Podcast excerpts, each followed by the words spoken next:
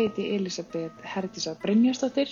Ég er hjúkunarfræðingur og verkefnastýra frú Ragnæðar sem er skadamingandi úrræði hjá Rauðakrossunum á höfuborgarsvæðinu.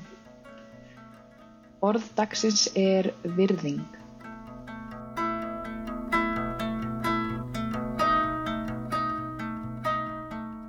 Starfi mínu sem hjúgrunafræðingur og í raun líka bara sem manneskja sem hefur ferðast í gegnum lífið og heimsótt marga staði og kynst mörgum vinklum lífsins hef ég mikið veld fyrir mér orðinu virðing.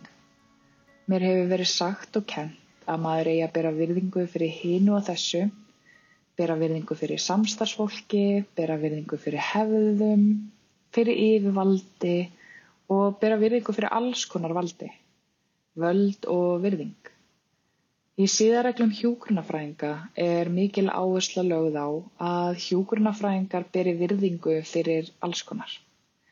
Fyrirferðamest í síðarreglunum er samband hjúgrunafræðingsins og skjólstæðingsins. Við stöndum vörðum að stuðla því að skjólstæðingar okkar haldi reist, að þau fái að taka upplýstar ákvarðanir um meðferð sína, við tryggjum persónuvenn þeirra.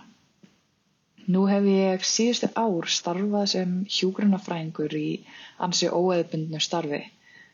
Ég hef tekið þátt í að þróa þjónustu sem er í raun ekki til en, en gert það samt út frá mínum siðareglum og gildum sem hjúgrunafræðingur og einni út frá hugmyndafræði skaða mingunar.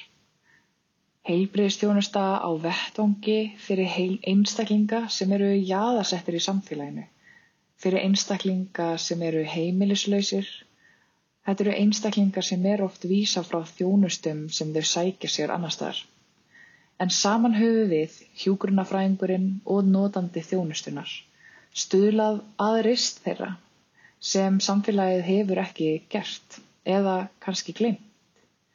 Í þessu umhverfi rekst ég aftur og aftur á þetta orð virðing hver ákveður hver á skili virðingu og hver ekki?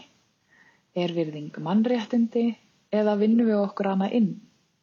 Sé skilgreiningin að þann hátt að við ávinnum okkar virðingu hefur mín upplifin verið í gegnum tíðina að með meiri völdum færðu meiri virðingu.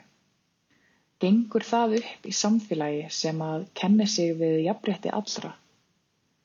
Í mínum augum eiga allir sem ég hef kynst skili virðingu fyrir daglegu sigrana og ósigrana, fyrir hverstagslegar áskoranir en líka fyrir stóru áföllin, fyrir hverstagslegu gleðina og líka fyrir ógleymanlegu sigrana þegar að allt breyttist. Á bakvið hverja mannesku liggur svo ótrúlega laung og flókin saga.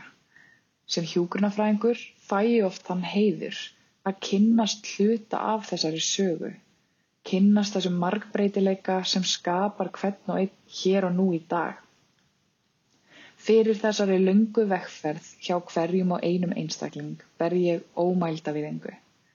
Mín trú er í þokkabót að saman með alla þessar vekkferðir hjá hverjum og einum að baki getum við skapað réttlátt samfélag þar sem borið er virðing fyrir öllum. Virðing.